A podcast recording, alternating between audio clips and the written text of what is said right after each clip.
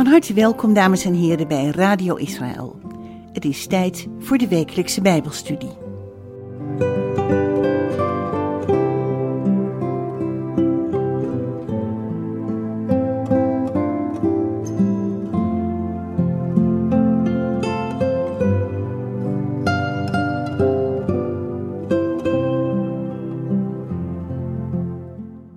Shalom luisteraars. Messiaans Judaïsme. Dat is een wereldwijde beweging van gelovigen die terugkeren naar de Joodse wortels van het christendom. Is deze beweging geleid door Gods geest of is het een beweging die gelovigen onder de wet brengt, zoals eeuwenlang gezegd werd? Sommige gelovigen uit de volkeren gedragen zich ineens Joods, lopen met tzitzit en een keppeltje. Een enkeling is er zelfs van overtuigd dat hij zich moet laten besnijden. Gelovigen uit de volkeren zijn ineens actief met de Torah, de eerste vijf boeken van het Oude Testament, gebruiken Hebreeuwse termen, zingen Hebreeuwse liederen en hebben Israël lief. Sommige samenkomsten lijken op een dienst zoals die in de synagoge plaatsvindt. Door de grote verschillen in beleving en door de verschillende meningen en of visies ontstaat er bij een grote groep gelovigen verwarring. Een belangrijke vraag die gesteld wordt is de vraag hoe het nu zit met de identiteit van de niet-Jood. Moet een gelovige uit de volkeren nu wel of niet de Joodse gebruiken overnemen? Is hij bijvoorbeeld verplicht met een keppeltje rond te lopen, de Sabbat te houden en de Bijbelse feesten te vieren? We zijn nu toch niet meer onder de wet, zoals altijd beweerd werd? En hoe zit het dan met de Torah? Dit zijn vragen die momenteel zeer actueel zijn. In deze nieuwe studiereeks ga ik in op deze actuele zaken en laat u zien hoe dat gestalte kreeg onder de eerste gelovigen uit de volkeren. Deze groep stond bekend als de Godvrezenden. Deze studiereeks heet dan ook de Godvrezenden. Voor deze studie is gebruik gemaakt naast de Bijbel, het woord van God, van het boek Godfearers, Gentiles en the God of Israel. Godvrezenden, heidenen, en de God van Israël, geschreven door Toby Janicki en aangevuld met onderwerpen uit de praktijk. Misschien, luisteraars, is het goed als u pen en papier gereed heeft en onder andere de Bijbelteksten opschrijft en later nog eens terugleest. Welkom. Mijn naam is Jack van der Tang.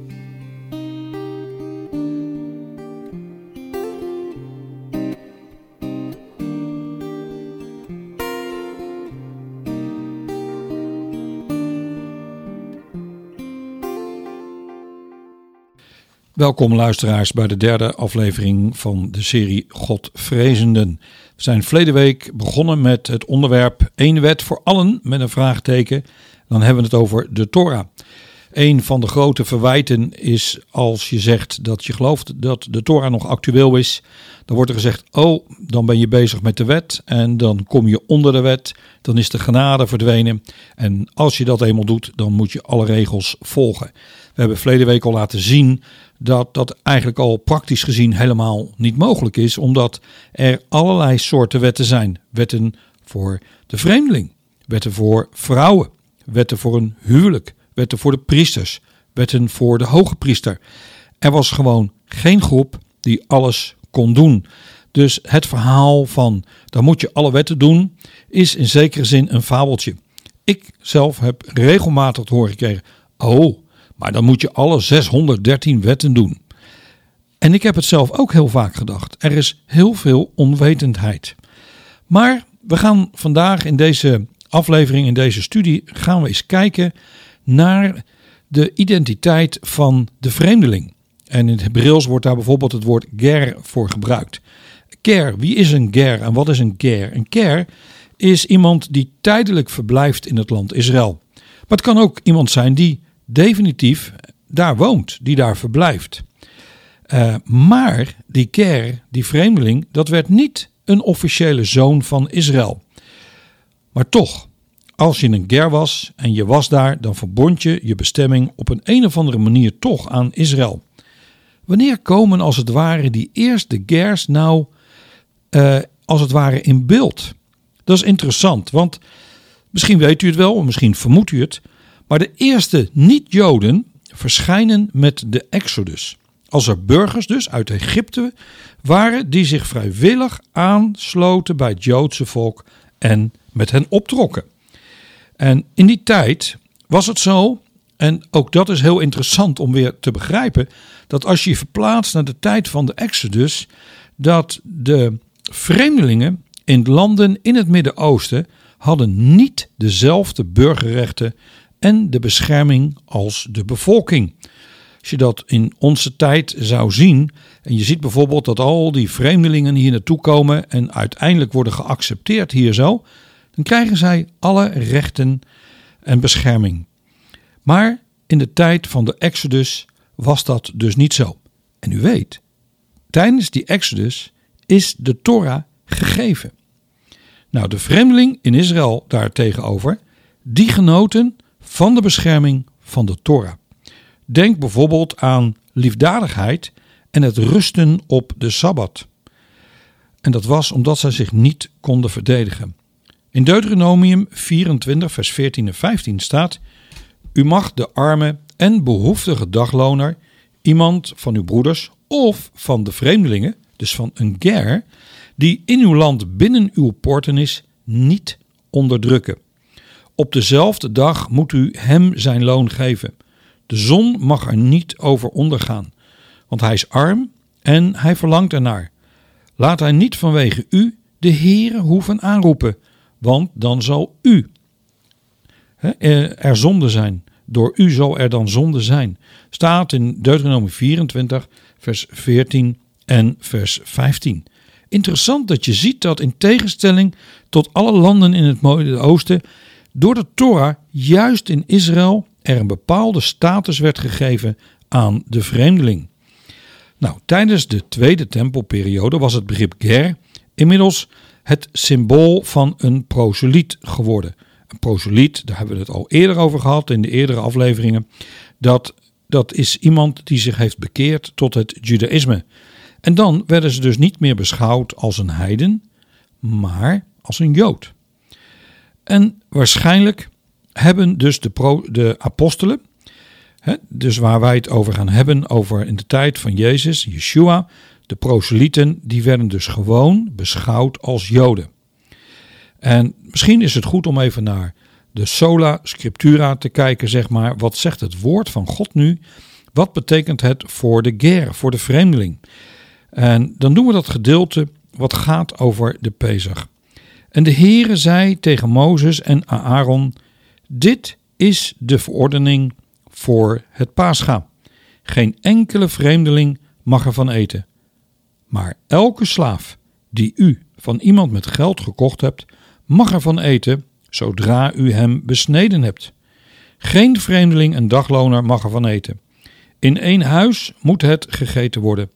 U mag van het vlees niets uit het huis naar buiten brengen en u mag er geen been van breken. Heel de gemeenschap van Israël moet dit doen. Als er nu een vreemdeling bij u verblijft en als die voor de Heere het paascha wil houden, laat dan al wie mannelijk is bij hem besneden worden. Dan mag hij naar voren komen om het paascha te houden en zal hij zijn als een ingezetene van het land. Niemand echter die onbesneden is, mag er van eten. is interessant, staat in Exodus. En volgens dit gedeelte en volgens sommige commentatoren, die zeggen alleen de vreemdeling mag dat doen die zich daadwerkelijk laat besnijden.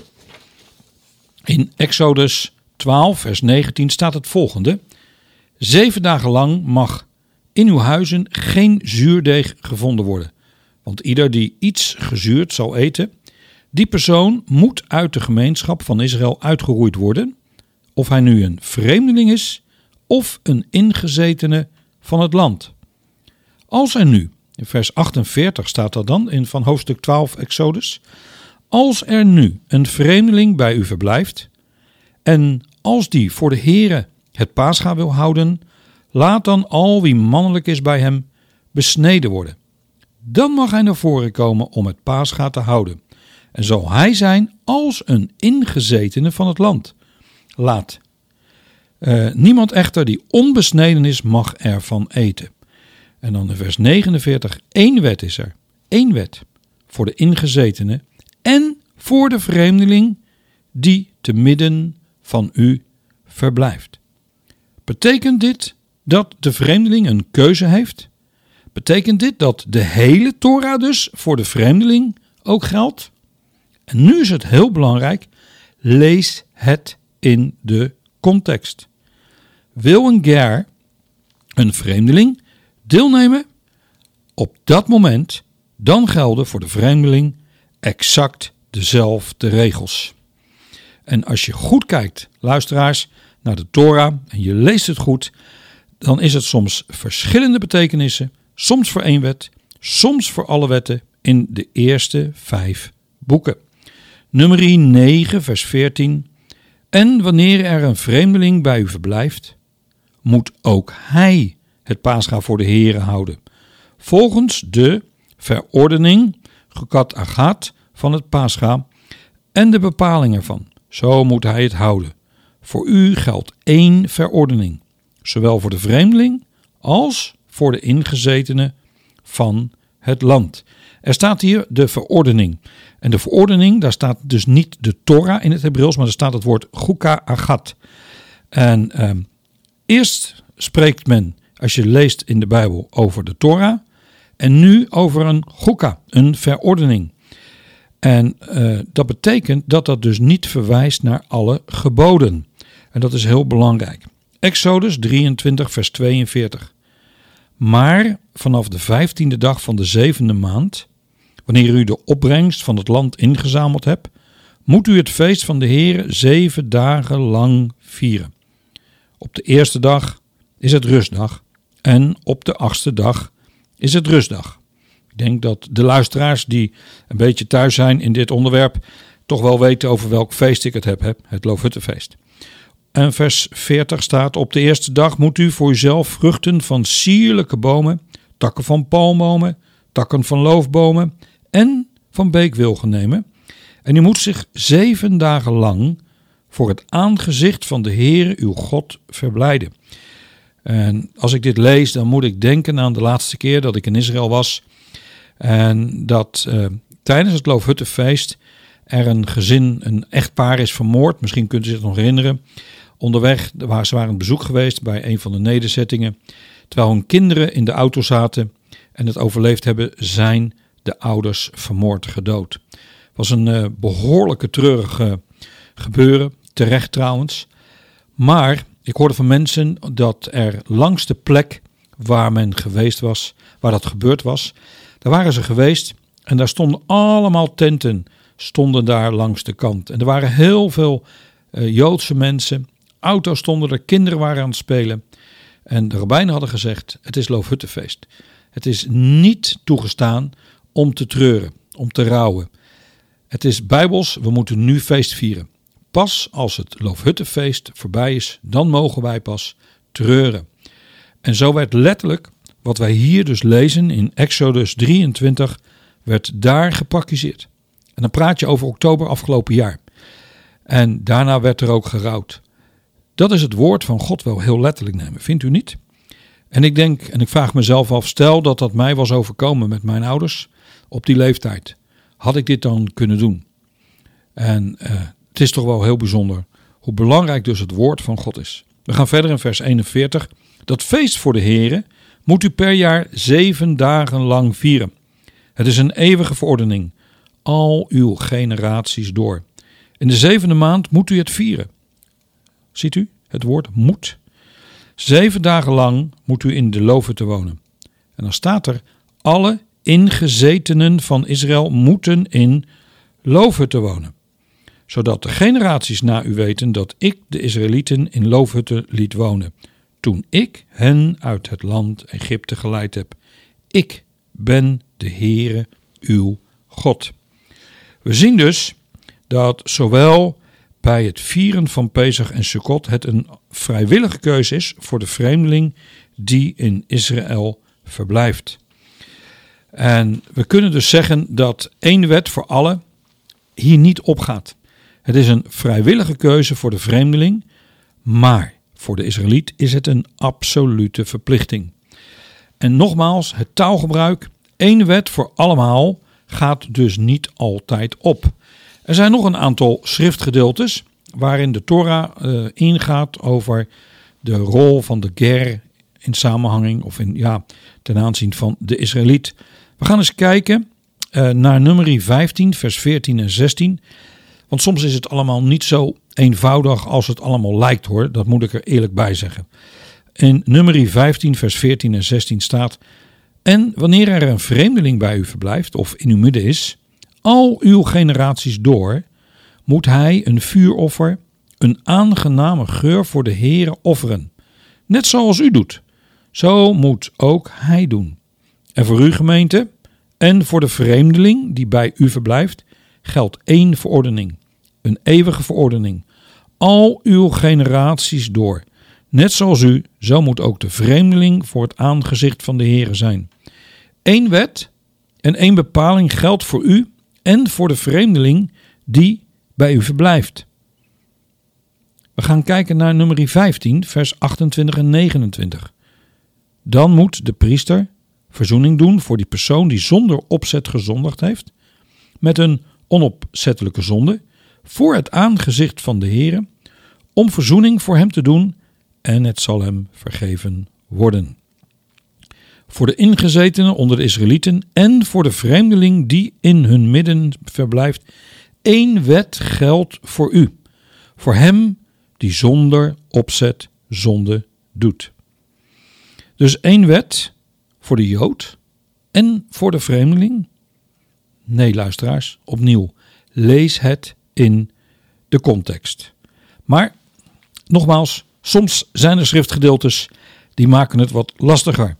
En een tekst die erg moeilijk is, eh, in die zin die een uitzondering is, dat is Leviticus 24. In vers 21 staat: Wie een dier doodslaat, moet dat vergoeden. Maar wie een mens doodslaat, moet ter dood gebracht worden. Voor u geldt één recht, zowel voor de vreemdeling als voor de ingezetene, want ik ben de Heere, uw God. Het lijkt dus alsof daar toch staat dat alles gelijk is, zowel voor de Jood, de Israëliet, als voor de vreemdeling. Hier gaat het over gelijke berechting voor het gerecht. En dat is in tegenstelling tot andere landen in die tijd. Wat was er? En nogmaals, ik heb het al eerder gezegd in deze studie: buitenstaanders hadden namelijk in andere landen rond Israël daar helemaal niet dezelfde rechten. Ze hadden totaal geen enkele bescherming. En hier betekent het, zoals we dat net gelezen hebben in Leviticus 24, hier betekent het dus gelijke rechten, maar ook gelijke bescherming van zowel de vreemdeling als van de Israëliet. En ik denk dat dat heel belangrijk is om dat hier te zien. En ook weer te zien hoe het in de context van het Midden-Oosten zit. In nummer 35, hè, daar gaat het over de vrijsteden. En daar staat in vers 15: Die zes steden moeten voor de Israëlieten, komma, voor de vreemdeling en voor de bijwoner in een midden tot een wijkplaats dienen, zodat ieder daarheen kan vluchten die zonder opzet iemand om het leven gebracht heeft. Nogmaals, hoe bijzonder is de Torah als er geen enkele bescherming is voor de vreemdeling in de landen rondom Israël. En de Torah geeft hier gelijke berechting. Dat betekent, ja, als je schuldig bent, ben je schuldig. Maar als je vrij bent, als je onschuldig bent, ben je onschuldig. In die zin is dit weer een uitzondering, maar ook een hele bijzondere positieve uitzondering ten aanzien ook van de rol van de vreemdeling. We gaan eens kijken hoe het nu eigenlijk zit met de Sabbat. Exodus 23.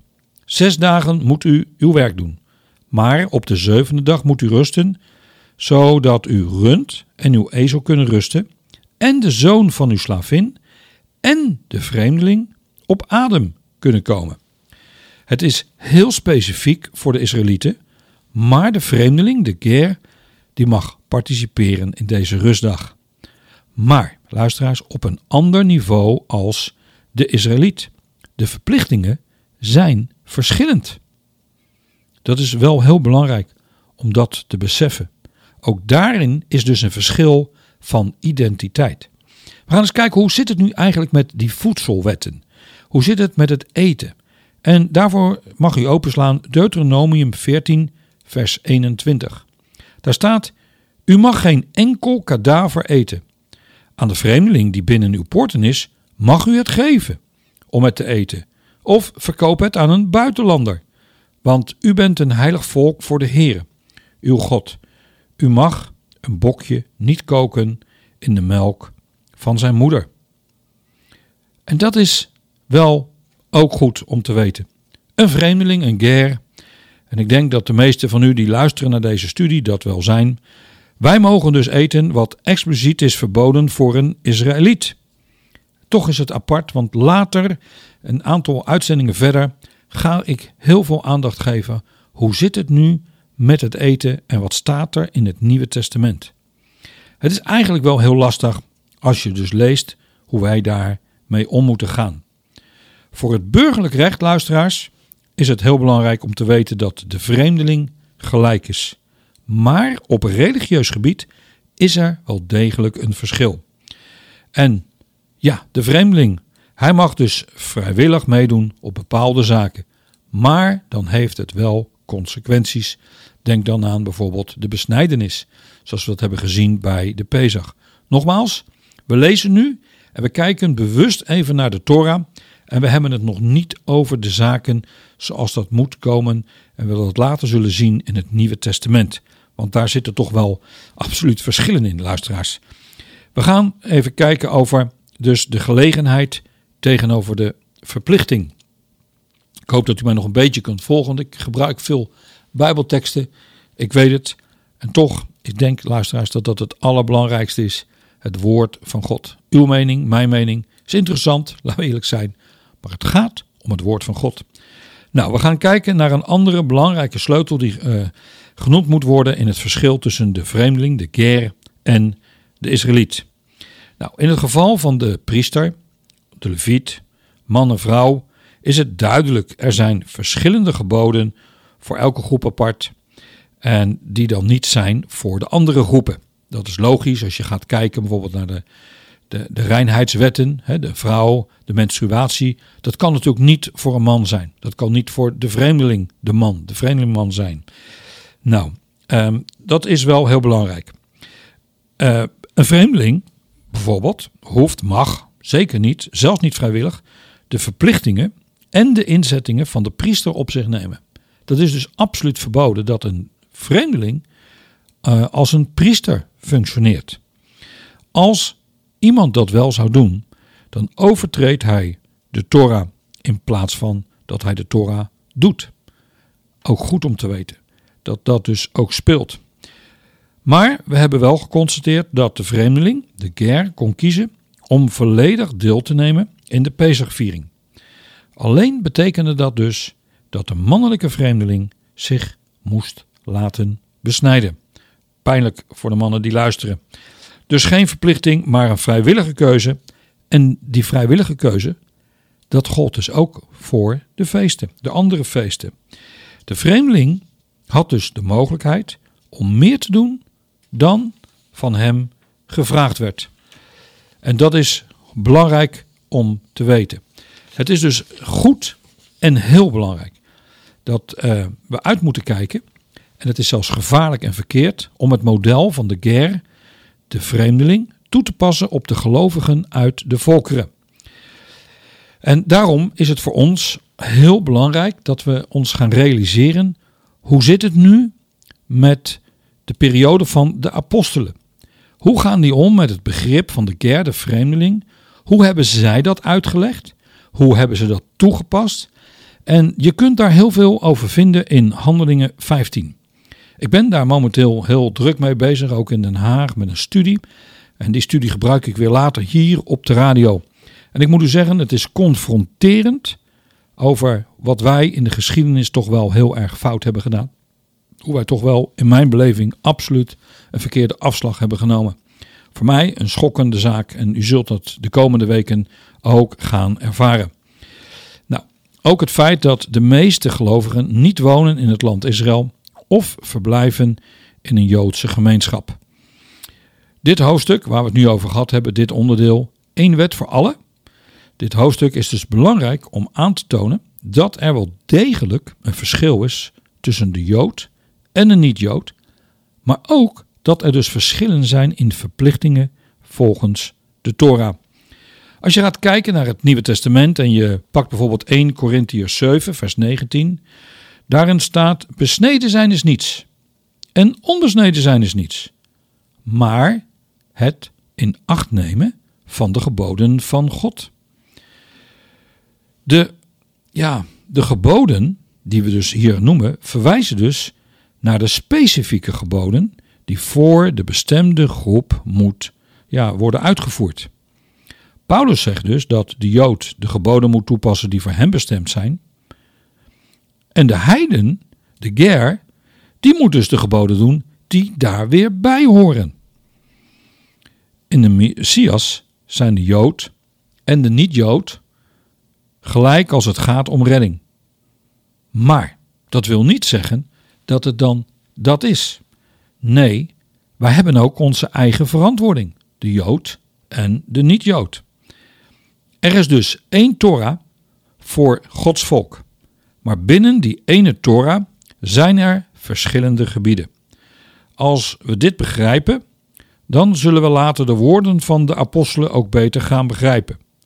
Willen we Handelingen 15 begrijpen, dan moeten we eerst gaan bestuderen wat de rol en de betekenis is van de Godvrezende. En die Godvrezende, daar wil ik het eigenlijk volgende week uitgebreid over gaan hebben. En ik geloof dat dat absoluut een sleutel is in het verstaan van onze identiteit ten aanzien van de Joden. En ik ben blij en ik ben dankbaar dat er een verschil is in identiteit. En ik geloof dat deze studie belangrijker is dan ooit. De afgelopen weken heb ik weer zoveel gehoord over de verschillen in visie, de verschillen in mening. En daarom, luisteraars, doe ik stapje voor stapje voor stapje. Het is belangrijk om te zien hè, wat we hebben gedaan en nu ook. Er is dus één Torah en er zijn, ja, en die moet je toepassen door verschillende mensen. Het is zo belangrijk dat uh, wij dus niet alle 613 wetten hoeven te doen. We kunnen ze niet doen. Want u als man, nogmaals, hoe gaat u om met de reinheidswetten die speciaal voor de vrouw zijn? En ik hoop dat dit gedeelte, deze studie, uh, die ik nu afrond, heel duidelijk laat zien dat als iemand tegen u zegt: Oh, jij gelooft in de Torah, jij gelooft dat die niet is afgeschaft. En helaas geloven velen dat. Dat betekent dus dat je weer onder de wet komt en dat je alle 613 wetten moet doen. Ik hoop dat u nu munitie heeft om dat gelijk te beantwoorden en te laten zien dat dat een grote flauwekul is. En dat er heel veel regels zijn. En u zou het op moeten zoeken in Wikipedia. Zoek eens op in Wikipedia. Er is een Nederlandse vertaling van de 613 wetten. En daar zitten daar een aantal wetten bij. Als die in onze economie zouden worden toegepast, oh mensen, wat zou het dan een stuk beter gaan in Nederland? Wat zou dan een stuk beter gaan in de wereld? Wat verlang ik en wat zie ik eruit dat als Jezus terugkomt, dat hij die Torah zal toepassen. Ik denk er ook van overtuigd te zijn dat er heel veel dingen op een verkeerde manier zijn toegepast. En dat zien we ook als Jezus dat de mensen daarmee confronteert, de fariseeën mee confronteert, uh, op het moment dat hij op aarde wandelt. Ik laat het hier even bij. Ik zie dat ik wat eerder klaar ben dan ik had verwacht. Maar om nu nog te stappen naar de nieuwe studie, dat doe ik volgende week. En dan gaan wij eens kijken naar de Godvrezende. Dat zijn u en ik. En dat is een hele interessante studie, zoals deze dat ook was. Dank u wel voor het luisteren. En ik zou zeggen, tot volgende week. Shalom.